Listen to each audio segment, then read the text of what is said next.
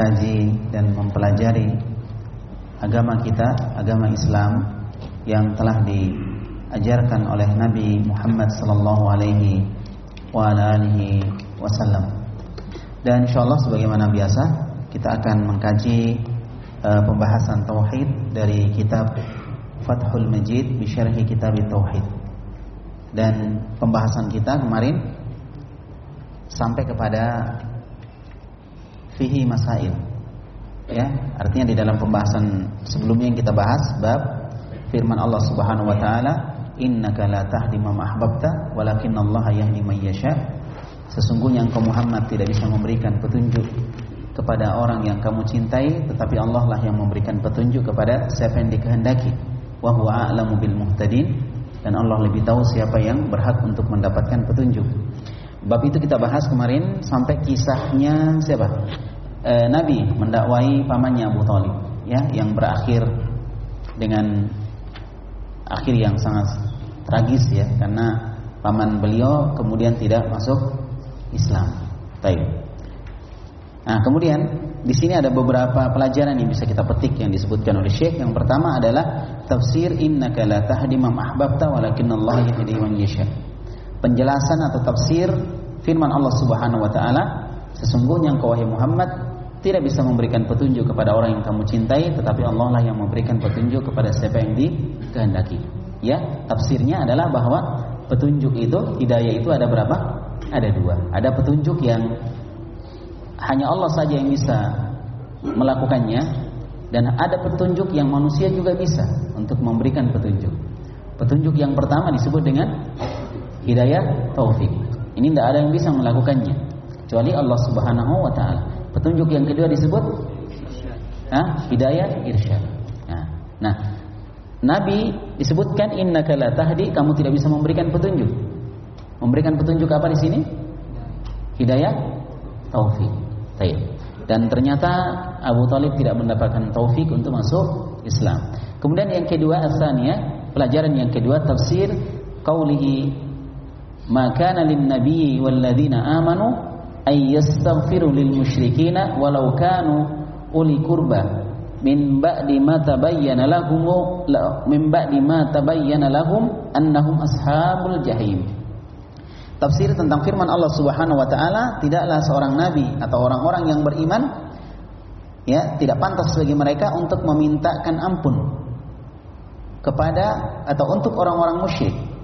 Walaupun mereka adalah keluarga dekatnya, setelah jelas bagi mereka bahwa orang-orang musyrik tersebut termasuk dari ashabul jahim, penduduk api neraka. Kalau sudah jelas mereka penduduk api neraka, maka dimintakan ampun pun tidak akan apa? Tidak akan ya tidak akan eh, apa ya? Tidak akan terkabul. Tidak akan terkabul. Ya bahkan Nabi dilarang memintakan ampun untuk siapa? Pamannya. Kecuali kalau orang itu muslim. Kalau dia meninggal mungkin banyak dosanya, masih bisa kita mintakan ampun. Ya, ya Allah ampuni dia, ya Allah sayangi dia, ya Allah luaskan kuburnya, masih bisa. Tapi kalau dia sudah uh, ashabul jahim, penduduk neraka kekal di dalamnya itu tidak akan mungkin. Ya, itu tidak akan mungkin untuk diampuni. Baik. Kemudian yang ketiga, pelajaran yang ketiga yaitu huya al-mas'alatul kabirah. Ya. Wahia al-mas'alatul kabirah tafsir qauli kul la ilaha illallah. Bi khilafi ma alaihi man yadda'il ilma. Ya. Jadi pelajaran yang ketiga itu tentang masalah yang besar. Yaitu tafsir atau penjelasan sabda Nabi sallallahu alaihi wasallam kul la ilaha illallah. Katakan la ilaha illallah. Katakan la ilaha illallah. Jadi pamannya Nabi disuruh mengucapkan apa? La ilaha illallah. Ini masalah besar. Ini masalah hidup dan mati. Dia masalah kebahagiaan dan kesengsaraan. Artinya ketika orang mengucapkan la ilaha illallah berarti orang tersebut telah membebaskan dirinya dari penyembahan kepada selain Allah Subhanahu wa taala. Berarti ini masalah besar. Ketika dia sudah mengucapkan la ilaha illallah maka dia harus meninggalkan semua sesembahannya dan dia peruntukkan hanya untuk Allah Subhanahu wa taala. Bi khilafi ma alaihi man yadda'il ilma. Berbeda dengan pemahaman dari orang-orang sebagian orang yang menyandarkan diri kepada ilmu atau sebagian kaum muslimin yang uh, mungkin merasa dia punya ilmu di mana menganggap ucapan la ilaha illallah ini biasa-biasa saja. Sekedar orang mengucapkan tanpa ada konsekuensi. Ya, tanpa ada konsekuensi. Baik, disebutkan di sini katsirun min adiya'il alim ya yajhaluna la ilaha illallah atau min adiya'il alam yajhaluna la ilaha illallah. Jadi banyak orang orang-orang yang mengajak kepada Islam di dunia ini banyak yang tidak memahami la ilaha illallah. Tidak memahami la ilaha illallah. Fayahkumuna ala kulli man talaffadha biha bil Islam walau kana mujahiran bil kufri as-sirah. Dan mereka menganggap ya menghukumi orang yang sudah mengucapkan la ilaha illallah itu sudah dianggap seorang muslim walaupun secara terang-terangan dia melakukan kekufuran yang sangat jelas. Karena dia tidak paham la ilaha illallah. Ini apa yang terjadi? Dia mengucapkan la ilaha illallah dalam kondisi dia melakukan apa? Kekufuran kesyirikan.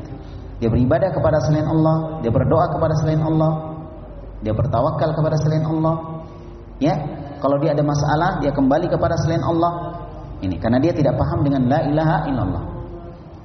Ya. Jadi ketika orang mengucapkan la ilaha illallah, lisannya, maka hatinya dan amalannya harus sesuai dengan lisannya. Ini namanya jujur. Ini namanya apa? Jujur.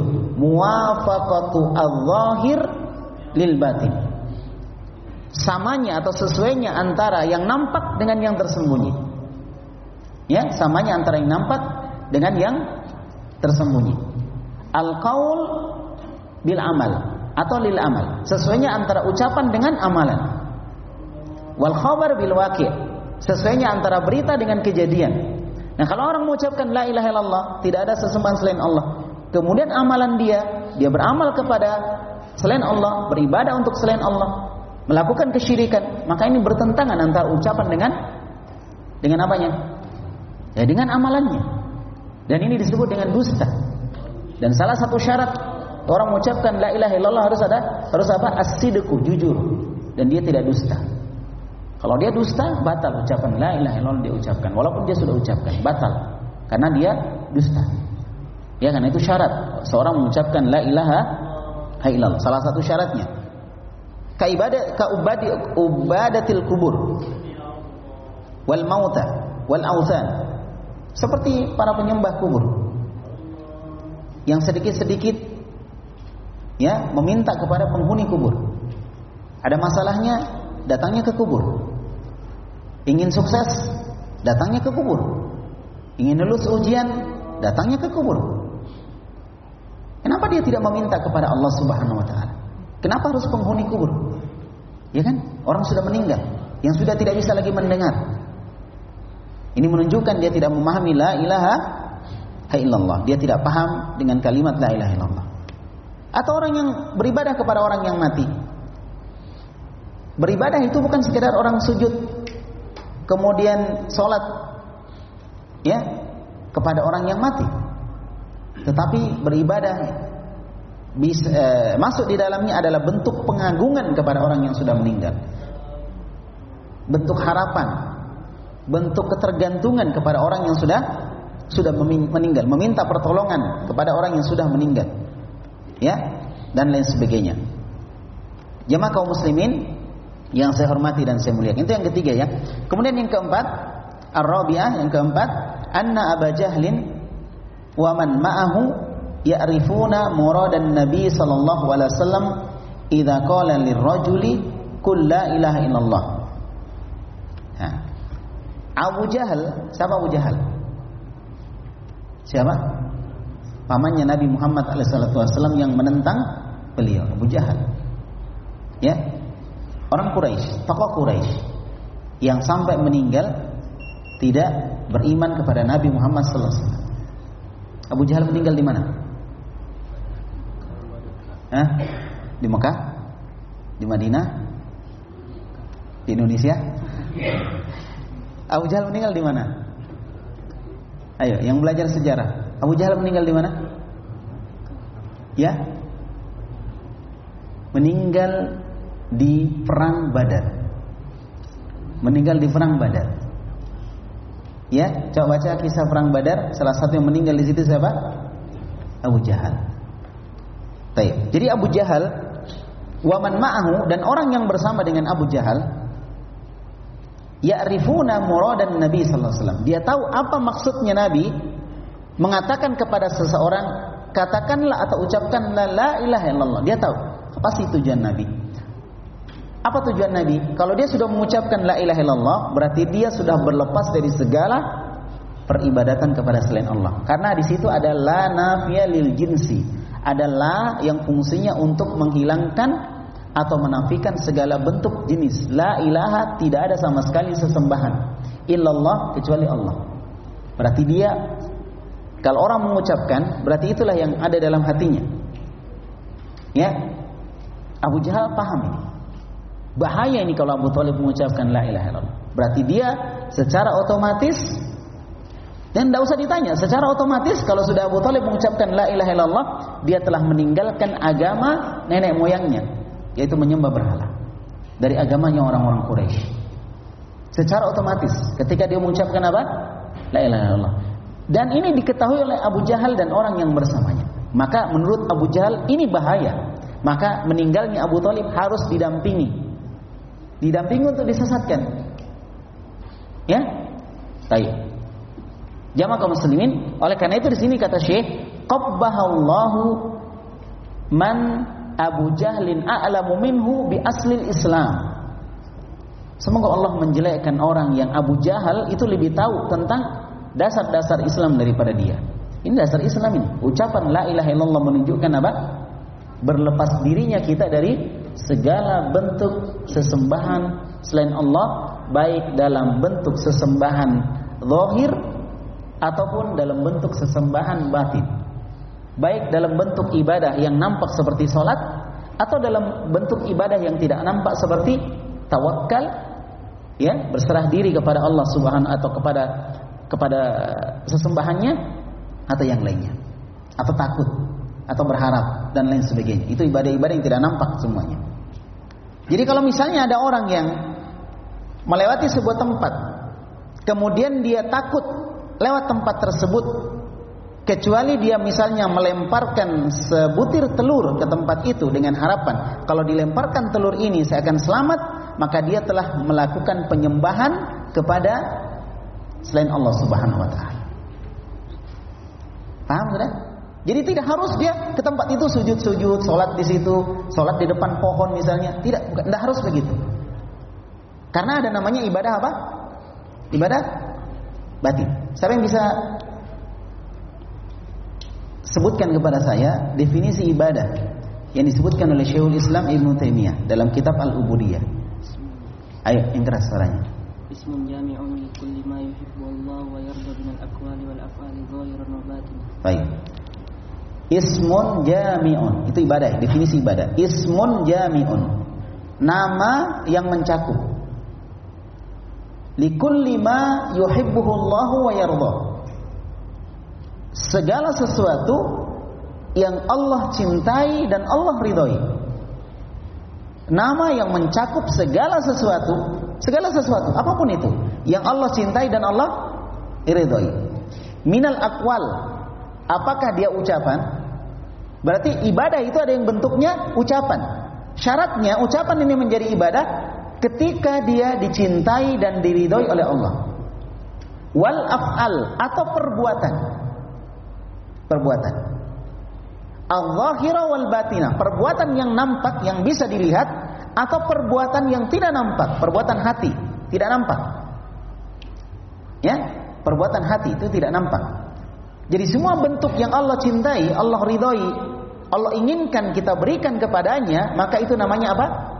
Ibadah. Maka ibadah sekali lagi tidak harus bentuknya zahir, nampak, tidak harus.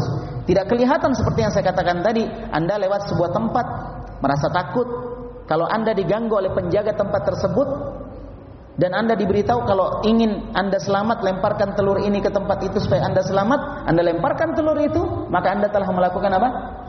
Peribadatan. Kepada siapa? tentunya bukan kepada Allah karena Allah tidak butuh dengan telur. Ya, Allah tidak butuh dengan telur. Allah butuh kepada kita ya keikhlasan kita. Butuhnya Allah bukan berarti dia butuh untuk dia dia, tapi untuk menyelamatkan kita dari siksaan api neraka. Allah butuh kepada kita keikhlasan di dalam beribadah dan tidak melakukan sesembahan kepada selain Allah Subhanahu wa taala. Nah ini Abu Jahal paham itu. Abu Jahal paham. Padahal dia Abu Jahal. Bapaknya kebodohan. Paham dia. Berarti pinter. Ya kan? Tapi tetap Abu Jahal, tetap bodoh dia. Kenapa? Kalau dia pintar, harusnya dia ikuti kata hatinya. Karena dia paham. Paham ya? Karena dia paham. Tapi dia tidak ikuti kata hatinya. Makanya dia Abu Jahal. Karena dia tidak mengikuti kata hati. Dia mengikuti hawa nafsu. Dia mengikuti tuntunan nenek-nenek moyangnya yang mengarahkan kepada kejelekan. Walaupun ada nenek moyangnya juga yang baik. Adakah nenek moyangnya Abu Jahal yang bagus? Hah? Ada. Dari kalangan para nabi seperti Nabi Ibrahim. Ya, orang-orang Quraisy kan keturunan dari Nabi Ibrahim, Nabi Ismail alaihissalam dan orang-orang yang bersama dengan beliau. Jelas insya Allah ya? Nah, itu orang-orang baik semua. Barakallahu fikum. Nah, sekarang yang kelima, al-khamisah, pelajaran yang kelima, jidduhu ya sallallahu alaihi wasallam wa mubalaghatuhu fi islami ammihi. Kesungguhan Nabi dan komitmen beliau di dalam mengislamkan paman beliau. Tidak main-main Nabi, serius Nabi. Mulai dari awal Nabi menerima wahyu yang pertama, Iqra. Diangkat beliau jadi Nabi. Kemudian wahyu yang kedua, Ya ayyuhal muzammil, kum fa'anzir. Pada saat itu beliau diangkat jadi Rasul. Sampai pamannya mau meninggal, Nabi terus mengajak pamannya masuk Islam. Nabi tidak pernah berhenti. Ini menunjukkan kesungguhan Nabi alaihissalatu wassalam di dalam dakwah. Dan dakwah itu butuh kesungguhan. Kalau mau jadi dai, mau jadi orang-orang yang mengajak kepada Islam, orang-orang yang mengajak kepada sunnah, orang-orang yang mengajak kepada tauhid, maka antum semua harus bersungguh-sungguh. Diawali dengan bersungguh-sungguh belajar. Setelah itu bersungguh-sungguh mengamalkan ilmu. Karena tidak ada artinya ilmu tanpa amalan. Ya, al ilmu syajaratun wal amalu samratun. Ilmu itu adalah pohonnya dan amalan adalah buahnya. Setiap orang menanam pohon yang dia kejar adalah buahnya. Setiap orang belajar ilmu yang dia cari adalah amalannya. Kita belajar bukan untuk mengumpulkan ilmu kemudian tidak beramal. Karena intinya ilmu adalah beramal. Itu nasihatnya Syekh Saleh Al-Fauzan, hafizahullah taala kepada kami semua ketika kami berkunjung kepada beliau di bulan di awal Januari kemarin di Riyadh. Salah satu nasihat beliau untuk mengamalkan ilmu. Intinya di situ. Baik. Jadi Nabi bersungguh-sungguh. Bersungguh-sungguh tadi ya, ingat orang mau jadi dai bersungguh-sungguh apa tadi? Belajar. Ya, nasihat juga beliau nasihat Saleh Fauzan untuk seorang penuntut ilmu, pertama yang harus dia lakukan menghafal Al-Qur'an. Menghafal Al-Qur'an. Antum jangan remehkan itu. Apalagi masih muda, masih kuat otaknya, masya Allah, hafal Al-Quran. Belajar membaca Quran, setelah itu menghafalnya sedikit demi sedikit sampai Al-Quran itu benar-benar antum hafal. Ya, antum hafal. Nah, kita kita yang sudah tua, yang sudah setengah mati menghafal ya, lakukan semampunya. Yang masih muda, yang masih panjang angan-angannya, masya Allah menjadi harapan bangsa, harapan negara, harapan pemudi, ya, sungguh-sungguh menghafal Al-Quran. Ya kan? Sungguh-sungguh menghafal Al-Quran. Jangan uh, santai. Diawali dengan itu, hafal Quran, hafal hadis, hafal ucapan para ulama, karena kita berada di Indonesia, ini nasihatnya Syekh Adil ya As-Subai ketika kami juga berkunjung ke rumah beliau, salah satu nasihat beliau adalah menghafal kalamnya Imam Syafi'i rahimahullah karena kita tinggal di sebuah negara yang kebanyakannya adalah Syafi'iyah. Hafal kalam-kalam beliau dalam berbagai masalah, dalam masalah akidah, dalam masalah fikih dan dalam masalah-masalah yang lainnya. Baik ya? Nah, kemudian yang ketiga, sungguh-sungguh belajar, sungguh beramal, sungguh beramal. Kemudian setelah beramal, berdakwah, bersungguh-sungguh dalam berdakwah. Bersungguh-sungguh di dalam berdakwah. Baik, jadi antum sungguh-sungguh dalam dakwah. Sebagaimana kesungguhan Nabi alaihi salatu wasallam. Nah, di dalam mengislamkan pamannya Nabi Muhammad sallallahu alaihi wasallam. Jadi ketika kita mengharapkan orang lain dapat hidayah, sabar. Nabi tidak memaksakan pamannya, kemudian pamannya tidak mau, Nabi tinggal. Oh, enggak, salah. Itu cara yang salah. Dekati dengan apa dia dekat. Kalau kita misalnya kita kerasi dia, dia jauh, berarti jangan dikerasi. Supaya dia tidak jauh. Dekati. Kita malah senang kalau dia jauh. Dan sebagian kesalahan sebagian orang di dalam berdakwah kadang tidak mau dia berdakwah kepada orang yang memang sama sekali tidak paham. Dia mau yang jadi semua. Nggak bisa, dakwah itu proses. Dari nol, dari orang tidak jadi, dari orang tidak paham sampai dia paham. Makanya ketika ada orang datang kepada kita mau belajar, datang kepada kita mau bertanya, datang kepada kita mau tahu tentang sesuatu, sambut dengan baik. Walaupun dia adalah orang yang pemahamannya keliru, sambut dengan baik, ajari dengan baik. Kalau hari itu dia tidak paham, besok ulangi lagi. Kalau besok belum dia belum paham, ajari lagi sampai dia paham, sampai dia mengerti apa hakikat sebuah sebuah agama, apa hakikat sunnah, apa hakikat dakwah. Inilah tugas seorang dai. Tugas seorang dai semuanya. Ya, jelas ya? Jadi di sini Nabi alaihi salatu wassalam bersungguh-sungguh di dalam apa tadi? Mendakwai pamannya. Dan kita ikuti jalan beliau sallallahu alaihi wa ala alihi wasallam. Kemudian as-sadisah yang keenam yang keenam, ini kitab tauhid ya. Tapi Fathul Majid syarahnya. Ada satu tahun belum kita pelajari? Ada satu tahun? Ada. Sudah ada? Sudah ada ya? Tahun sejak tahun berapa? 2017. Sampai sekarang belum selesai. Kami kemarin selesaikan kitab tauhid tiga kali duduk, tiga kali pertemuan selesai. Kitab tauhid ya, masya Allah. Barakallahu fikum ya. Saya Soleh Suhaim ya. Baik, selesaikan itu tiga kali duduk selesai kita tauhid. Masya Allah. Sudah dengan sanatnya sampai ke penulis. Nah, jadi yang keenam ini disebutkan di sini ar-raddu ala man za'ama Islam Abdul Muttalib wa aslafihi. Dalil-dalil yang kita sudah sebutkan sebelumnya itu bantahan kepada orang yang menganggap bahwa Abdul Muttalib masuk Islam. Dan ini nggak mungkin. Pertama nggak mungkinnya karena apa? Meninggal Abdul Muttalib apa? Ya, meninggalnya Abdul Muttalib itu Nabi masih kecil. Umur berapa tahun? 10 tahun ya? 10 tahun. Meninggal. Jadi umur 8 tahun bersama dengan ibunya. Ya umur 8 tahun ya. Sampai ya benar. Oh, atau umur 6 tahun umur 6 tahun sama ibunya sampai 8 tahun umur 8 tahun sama kakeknya sampai 10 tahun umur 10 tahun mulai sama pamannya Abu Thalib ya jadi Abdul Muthalib meninggal sebelum eh, ketika Nabi masih kecil. Kemudian yang kedua Nabi Shallallahu eh, siapa namanya? Abu Jahal mengatakan kepada siapa kepada Abu Talib kepada Abu Talib atar robu an millati Abdul Muttalib. Apakah kamu tidak suka dengan agamanya Abdul Muttalib?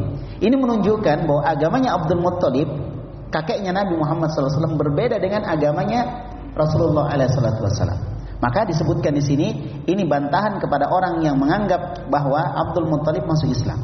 Atau agama Abdul Muttalib itu agama Islam. Atau orang-orang yang sebelum beliau atau orang-orang yang sebelum sebelum beliau. Kemudian as-sabiah yang ketujuh, pelajaran yang ketujuh, kaunuhu sallallahu alaihi wasallam istaghfara lahu falam yughfar lah. bal naha an dzalik.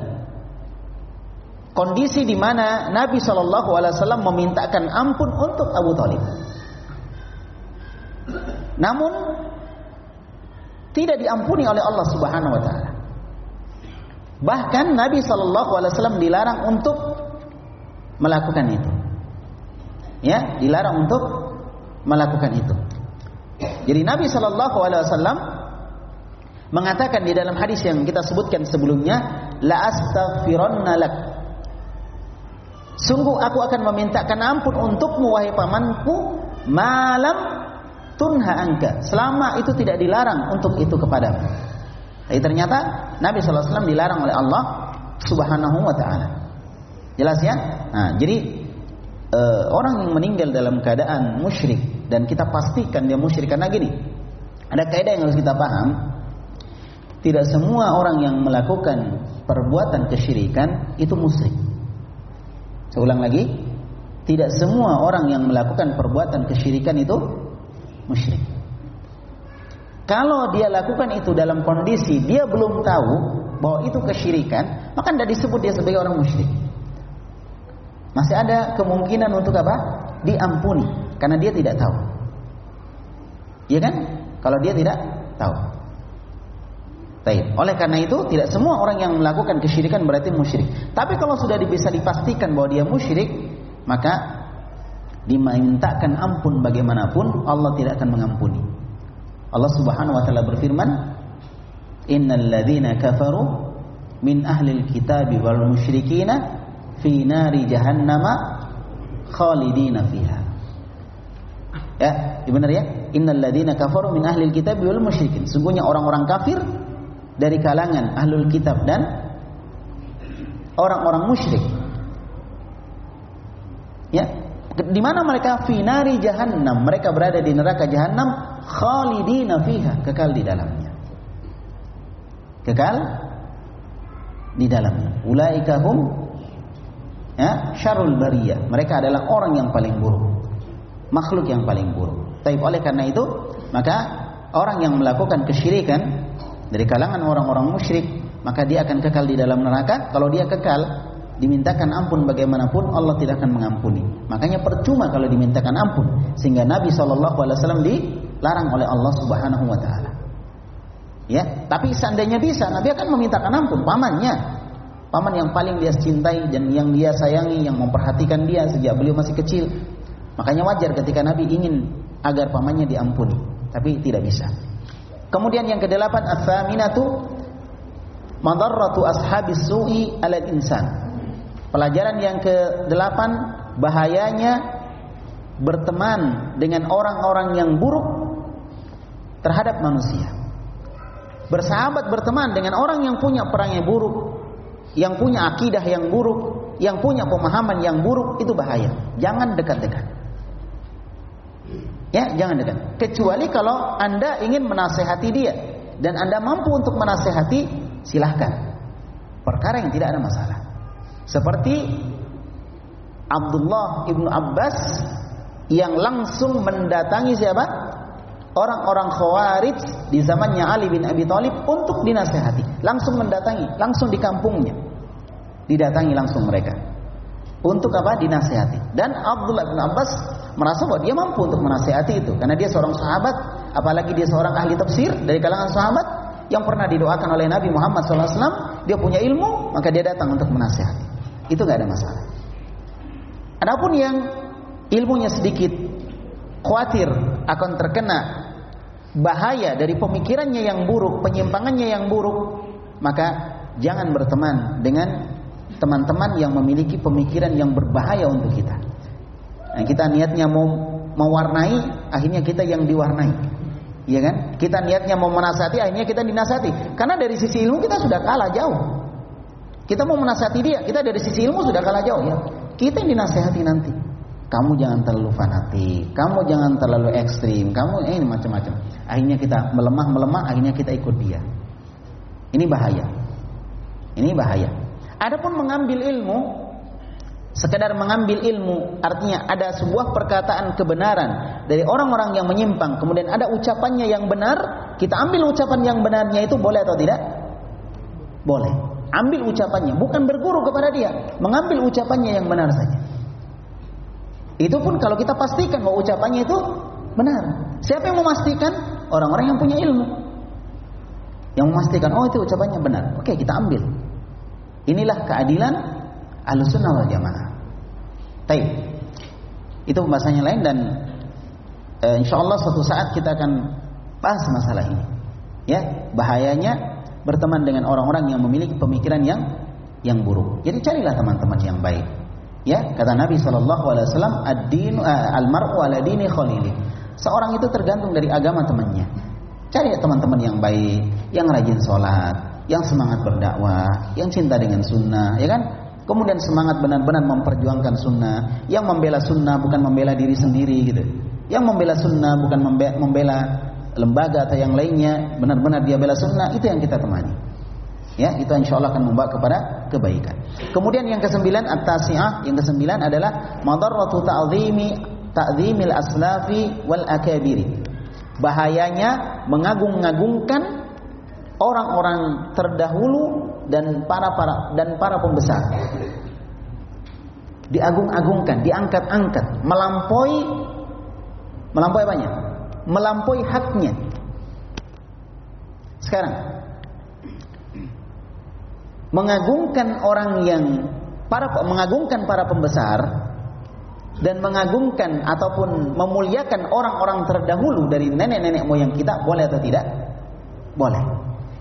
Tapi ketika itu dilakukan melampaui batasan dia, mengangkatnya melampaui batasannya, ya melampaui haknya, maka ini yang tidak boleh. Ini yang disebut dengan gulu, berlebih-lebihan. Al-guru fi salihin. Berlebih-lebihan kepada orang-orang soleh. Yang akan kita bahas babnya nanti di pembahasan selanjutnya. Ya, bab tentang apa? Maja'a anna sababa uh, kufri bani Adam. Yaitu bab tentang sebab dari kekufuran yang terjadi di kalangan keturunan Adam wa tarkihim dinahum dan sebab dia meninggalkan agama mereka adalah al-ghulu fi salihin. Berlebih-lebihan melampaui batas menyikapi orang-orang soleh. Adapun menghormati orang soleh, kewajiban bagi kita. Ada orang soleh, kita hormati, kita hargai dia, kita dudukkan dia sebagai orang soleh. Kita jamu dia ketika dia datang ke rumah kita, kita bertemu dia, kita doakan dia. Itu itu apa harus dilakukan oleh seorang seorang muslim kepada orang-orang soleh. Menghormati ikrom kepada mereka. Tapi ketika penghormatan kepada mereka melampaui batasannya, mengagungkan mereka melampaui batasannya, maka ini yang berbahaya. Oleh karena itu disebutkan bahayanya mengagungkan orang-orang terdahulu dan para pembesar. Oleh karena itu, ketika Abu Talib mengagungkan kakeknya dan agama kakeknya, maka dia tidak mampu menolak syubhat kerancuan yang dilemparkan oleh siapa? Abu Jahal kepada Abu Talib. Apa kata Abu Jahal kepada Abu Talib? Atarghabu an millati abikum Abdul Muttalib? Apakah kamu tidak suka dengan agama bapakmu? Abu Talib tidak bisa membantah syubhat ini. Tidak bisa membantah. Abu Talib tidak bisa membantah ucapan ini. Karena sudah tertanam di dalam dirinya pengagungan yang besar kepada orang tuanya dan apanya? Agama agama orang tuanya. Paham ini? Sehingga dia tidak bisa menolak. Akhirnya Nabi pun mengucapkan kepada pamannya, "Wahai pamanku, ucapkan la ilaha illallah." Dia tidak mampu mengucapkan la ilaha illallah karena pengagungannya yang besar di dalam dirinya, di dalam hati Abu Talib terhadap bapaknya dan agama bapaknya. Di sinilah bahayanya orang yang mengagungkan sesuatu melampaui batasannya atau dia mengagungkan sesuatu yang tidak pantas untuk diagungkan. Ya kan? Tidak pantas untuk diagungkan. Taib. Kemudian yang ke-10 al-asyirah, pelajaran yang ke-10 adalah asyubhatu lil mubtilin fi dzalik listidlali Abi Jahlin bidzalik. Syubhatnya orang-orang yang ingin membatalkan itu. Ya, artinya dia menganggap bahwasanya para pembesar, tokoh-tokoh orang-orang terdahulu pantas untuk diagungkan. Pantas untuk diagungkan karena Abu Jahal berdalil dengan tokoh-tokoh. Ya, ini ini kan tokoh, ini kan orang tua kamu, ini kan agama nenek moyang kamu dulu. Ya, masa kamu mau tinggalkan? Gitu. Baik. Kemudian yang keberapa? Yang ke-11 al-hadiyata asyarah, yang ke-11 asyahidu liqaunil a'mali bil khawatim li'annahu law qalaha lanafa'athu. Nah, hadis ini sebagai bukti atau syahid penguat terhadap ucapan atau hadis bahwa amalan itu tergantung dari terakhirnya. Dalam hadis Nabi disebutkan apa? Innamal a'malu bil khawatim. Amalan itu tergantung terakhirnya. Makanya kalau ada orang meninggal kita talkin. Apa maksudnya ditalkin? Apa maksudnya ditalkin? Ayo siapa yang pernah meninggal?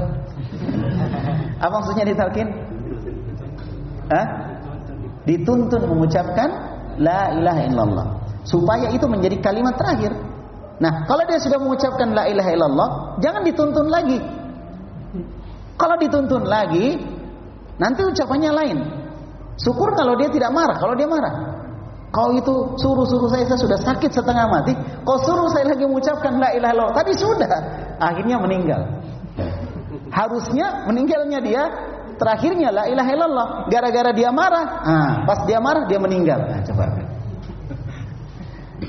Jadi menuntun la ilaha illallah satu kali saja. La ilaha illallah. Dia ucapkan la ilaha. Oh bicara lagi, bicara lagi. Ah, tuntun lagi la ilaha illallah. Pokoknya la ilaha illallah sebagai kalimat yang terakhir. Man kana akhiru kalamihi la ilaha illallah dakhala al-jannah. Dalam hadis yang diriwayatkan oleh Imam Ahmad. Siapa yang ucapan terakhirnya la ilaha illallah dia masuk surga. Ya karena amalan terakhir itu itu dilihat. Nah, tapi masuk surganya dilihat dulu. Ada yang masuk surga, masuk neraka dulu baru masuk surga. Ada masuk surga, langsung masuk surga. Paham ya? Ada juga masuk surga tidak dihisap, tidak diadab. Ada 70 ribu orang. Ada 70 ribu orang masuk surga tanpa hisap dan tanpa adab. Sudah kita sebutkan di pembahasan sebelumnya. Tapi yang jelas dia masuk surga. Karena ucapan terakhirnya adalah la ilaha illallah. Berarti kalau ketika dia melakukan kesyirikan di awalnya, maka kesyirikan ini dibatalkan oleh ucapan la ilaha illallah yang terakhir, membatalkan yang di belakangnya. Makanya orang yang mengucapkan la ilaha illallah di akhir hayatnya harus memahami apa makna la ilaha illallah. Kalau dia tidak paham ya percuma. Makanya harus paham. Sehingga sekarang kesempatan kita mumpung kita masih hidup, pelajari tentang apa makna la ilaha illallah. Ketika kita mau meninggal atau ketika kita meninggal, kemudian kita mengucapkan la ilaha illallah, kita ucapkan dalam kondisi kita membayangkan apa maknanya. Yaitu meninggalkan segala bentuk sesembahan selain Allah dan menetapkan ibadah hanya untuk Allah sehingga ketika kita melakukan kesyirikan sebelumnya itu dibatalkan, dihapuskan oleh ucapan kita yang terakhir tadi. Tapi kalau mengucapkan la ilaha illallah tidak paham, biar 2000 kali, tidak ada manfaatnya. Karena la ilaha illallah yang kita ucapkan nanti bermanfaat kalau orang paham apa maknanya. Sama dengan orang bicara tapi mimpi, dia nggak paham apa yang dia bicara. Ya, tidak ada manfaatnya. Nanti ada manfaatnya ketika orang bicara itu dia tahu apa yang dia ucapkan. Baru ada manfaatnya. Jelasnya? Nah, apa yang menunjukkan bahwa ini sebagai syahid, sebagai pendukung dari sabda Nabi bahwa amalan itu tergantung dari terakhirnya, ya, yang menjadi bukti adalah li'annahu law qalaha. Yaitu seandainya Abu Talib, ini bicara seandainya, seandainya Abu Talib mengatakan la ilaha illallah, maka itu akan memberi manfaat kepada Abu Talib. Kenapa bisa? Karena Nabi menyebutkan, Kul la ilaha illallah kalimatan uhajulaka biha indallah. Wahai pamanku ucapkan la ilaha illallah sebuah kalimat yang saya akan jadikan bukti di hadapan Allah. Berarti ketika Abu Talib mengucapkan la ilaha illallah, itu bisa jadi menghapuskan semuanya sebelumnya. Jadi kalau dia mengucapkan la ilaha illallah, dosa-dosanya yang dilakukan sebelum ucapan tersebut terhapus semua karena di situlah awal dia masuk Islam dan beribadah hanya kepada Allah Subhanahu wa taala. Kalau diakui Nabi sebagai rasul, sudah atau belum? Sudah diakui Nabi sebagai rasul. Makanya dia bela. Ya, sampai dia ancam Nabi Muhammad alaihissalam dalam beberapa kisah disebutkan bahwa wahai Muhammad, aku sudah membela kamu. Kamu jangan sekali-kali berdusta dengan ucapanmu. Aku sudah bela kamu mati-matian. Ya kan? Artinya jangan kamu ngaku-ngaku rasul padahal kamu bukan rasul gitu. Jadi Nabi apa Abu Talib mengakui Nabi Muhammad sebagai rasul, tapi dia belum berani dan belum belum tega untuk meninggalkan agama nenek moyangnya mengucapkan la ilaha illallah. Sehingga ketika Abu Talib Abu Jahal mengucapkan yang kita sebutkan tadi, tegakah kamu, relakah kamu, bencikah kamu kepada agama nenek moyangmu kepada agama bapakmu? Abu Talib nggak bisa lagi apa-apa. Nah itu yang bikin berat. Yang bikin berat mengucapkan la ilaha illallah. Makanya jangan terlalu fanatik terhadap sesuatu. Fanatik membuat kita tidak bisa mengikuti kebenaran. Fanatik kepada ustadz misalnya. Pada siapa Ustadz Bambang sudah fanatik sama saya. Antum dinasihati orang lain, itu Ustaz salah loh kamu. Enggak, kamu yang salah. Ustaz tidak boleh salah. Akhirnya kita tidak mau mengikuti kebenaran. Ya kan? Jangan fanatik kepada siapa pun. Kepada siapa pun. Kita kadang fanatik sama orang. Eh, tapi yang kamu lakukan tidak sama dengan yang Ustaz bikin. Bukan itu dalil, bukan. Lihat, yang kamu lakukan tadi ada dalilnya tidak? Kalau disebutkan dalilnya, berarti dia benar. Iya kan? Nah, kalaupun dia sebutkan dalilnya, ustadz kita juga sebutkan dalilnya, dan ternyata dalilnya sama-sama bisa dipertanggungjawabkan, berarti ada khilaf di situ. Tidak boleh ada memaksakan. Dilarang melarang kalau di situ. Jangan memaksa. Itu khilaf berarti. Boleh kita pilih salah satunya yang kita anggap itu benar. Makanya berapa orang saya di SMS, di WA saya ditanya, Ustadz saya e, begini begini begini. Ya. Saya tinggalkan ini, saya ikuti ini atau saya bagaimana Ustaz? Biasanya orang yang misalnya sudah mengikuti seorang guru dan seterusnya, biasa kan dia fanatik. Saya sampaikan kepada dia, antum tetap bertahan pada kondisi antum sampai antum tahu mana yang benar. Setelah itu ikuti yang benar. Sudah selesai. Yang penting jangan fanatik. Kamu belajar sini, belajar sini, bandingkan mana yang benar. Setelah itu ikuti yang benar dan ikhlas berdoa kepada Allah ditunjukkan kebenaran. Kita biasa doa, kamu bukan golongan saya. Oh, langsung. Jangan seperti itu barakallahu fikum. Nasihati dia dengan baik, ajak dia dengan baik. Ajak dia berpikir, ajak dia pakai nalarnya, bandingkan ini dan itu gitu. Nah, setelah itu biarkan dia memilih. Biarkan dia memilih. Jangan dipaksa. Kalau kau tidak mau, saya tinggalkan kamu. Kau tidak boleh beli di warung saya. Padahal dia tidak punya warung. Jangan. Kamu pilih ya, saya kasih ini ini ini. Oh saya anu, saya tetap di sini. Oke. Yang penting kamu tetap belajar, satu saat nanti akan kamu tahu gitu. Karena boleh jadi kita yang salah gitu. Jelas insya Allah ya. Nah, barakallahu fikum. Nabi SAW membiarkan pamannya untuk memilih. Terus, terus, terus sampai pamannya mau meninggal ternyata pamannya memilih yang lain. Tapi Nabi membuka lebar-lebar pemahaman pamannya supaya pamannya memilih dengan dirinya sendiri dan Nabi tidak memaksa. Seandainya Nabi memaksa, pamannya sudah ditinggal. Paman, saya tidak mau lagi datang sama antum. Ya, saya tidak mau datang. Biar paman meninggal, saya tidak datang. Ya sudah meninggal. Paman mau datang ya. Paman sudah mau meninggal dan seterusnya paman sakit saya nggak datang. Tetap Nabi datang dan terus memberi nasihat. Karena nasihat itu sangat bermanfaat untuk orang-orang yang beriman. Barakallahu fikum. Pahami baik-baik teman supaya banyak orang yang mengenal hidayah. Kadang ada orang sudah mau mengenal hidayah, kita tinggalkan begitu saja. Padahal memang kondisinya dia belum belum apa? Belum paham. Bukan dia mau mengikuti apa hawa nafsunya. Memang mereka, dia belum paham. Makanya tugas kita memahamkan. Jadi ketika dia tidak paham, bukan cuma dia yang salah, kita juga salah. Kenapa ente tidak berhasil memahamkan dia? Berarti ente kurang ilmu, berarti anda salah. Karena tidak berhasil memahamkan kepada dia. Makanya teman-teman sekalian barakallahu fikum ayo kita berusaha untuk berdakwah dengan dengan lembut, berdakwah dengan kebaikan, berdakwah dengan adab yang baik, dengan akhlak yang baik, maka insya Allah ini lebih bisa untuk mengantarkan orang kepada apa? Kepada hidayah. Dan jangan fanatik. Termasuk pada saya, jangan fanatik. Saya tidak suka diikuti kalau orang itu misalnya ya, saya ajak, "Eh, kamu jangan di situ dong sama saya saja gitu." Kemudian dia ikut sama saya. Tapi dalam kondisi dia nggak tahu kenapa dia ikut sama saya.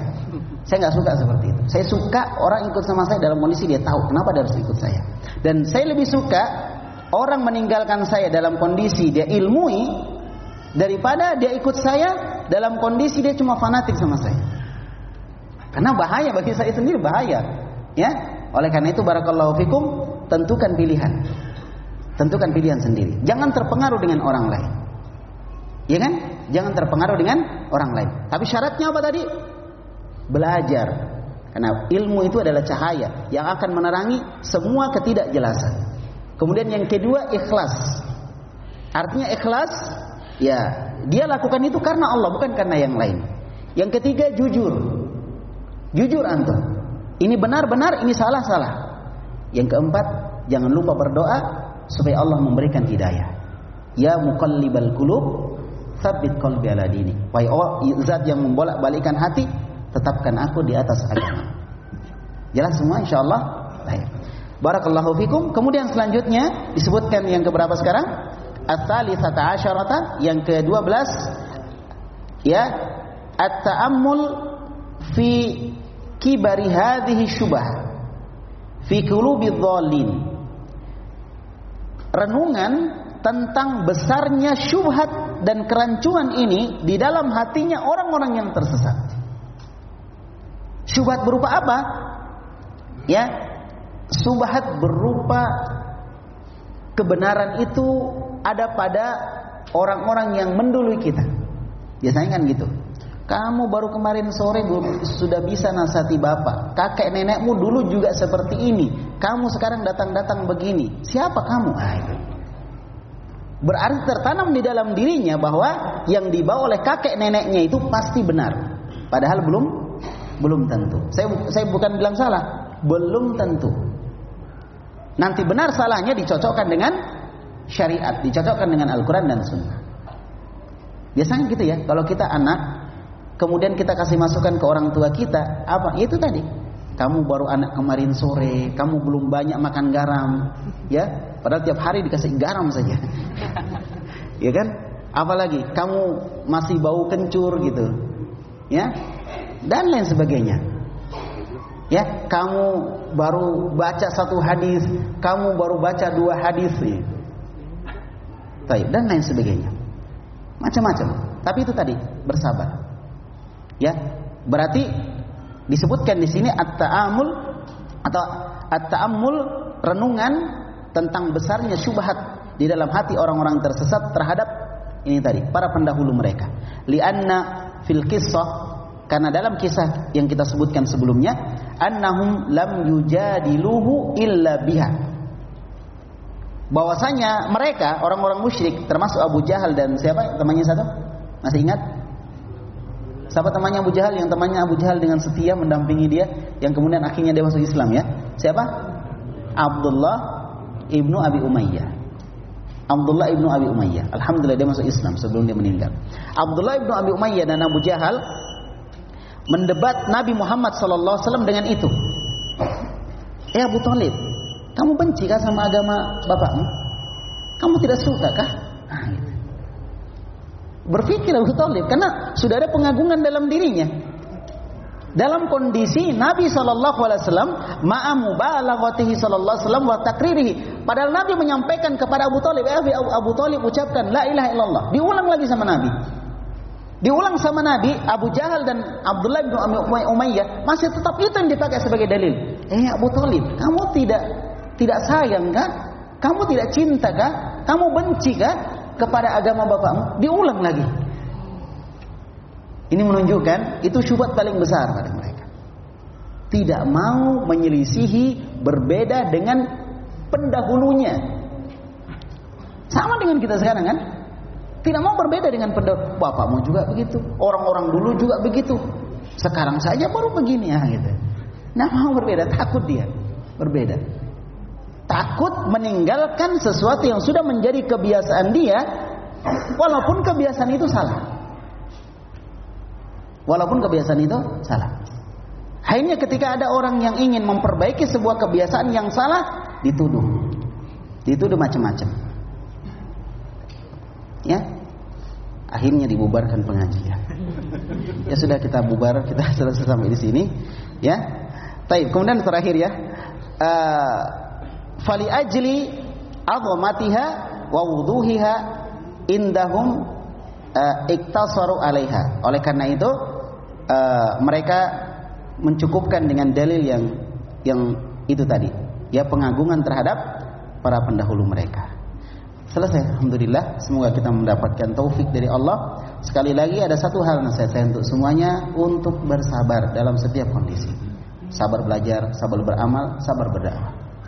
Sabar menghadapi siapa pun dengan cara yang baik dan hadapi semuanya dengan kepala dingin, dengan kebaikan. Ya, insya Allah. Baik demikian yang bisa kita sampaikan semoga ada manfaatnya barakallahu fikum.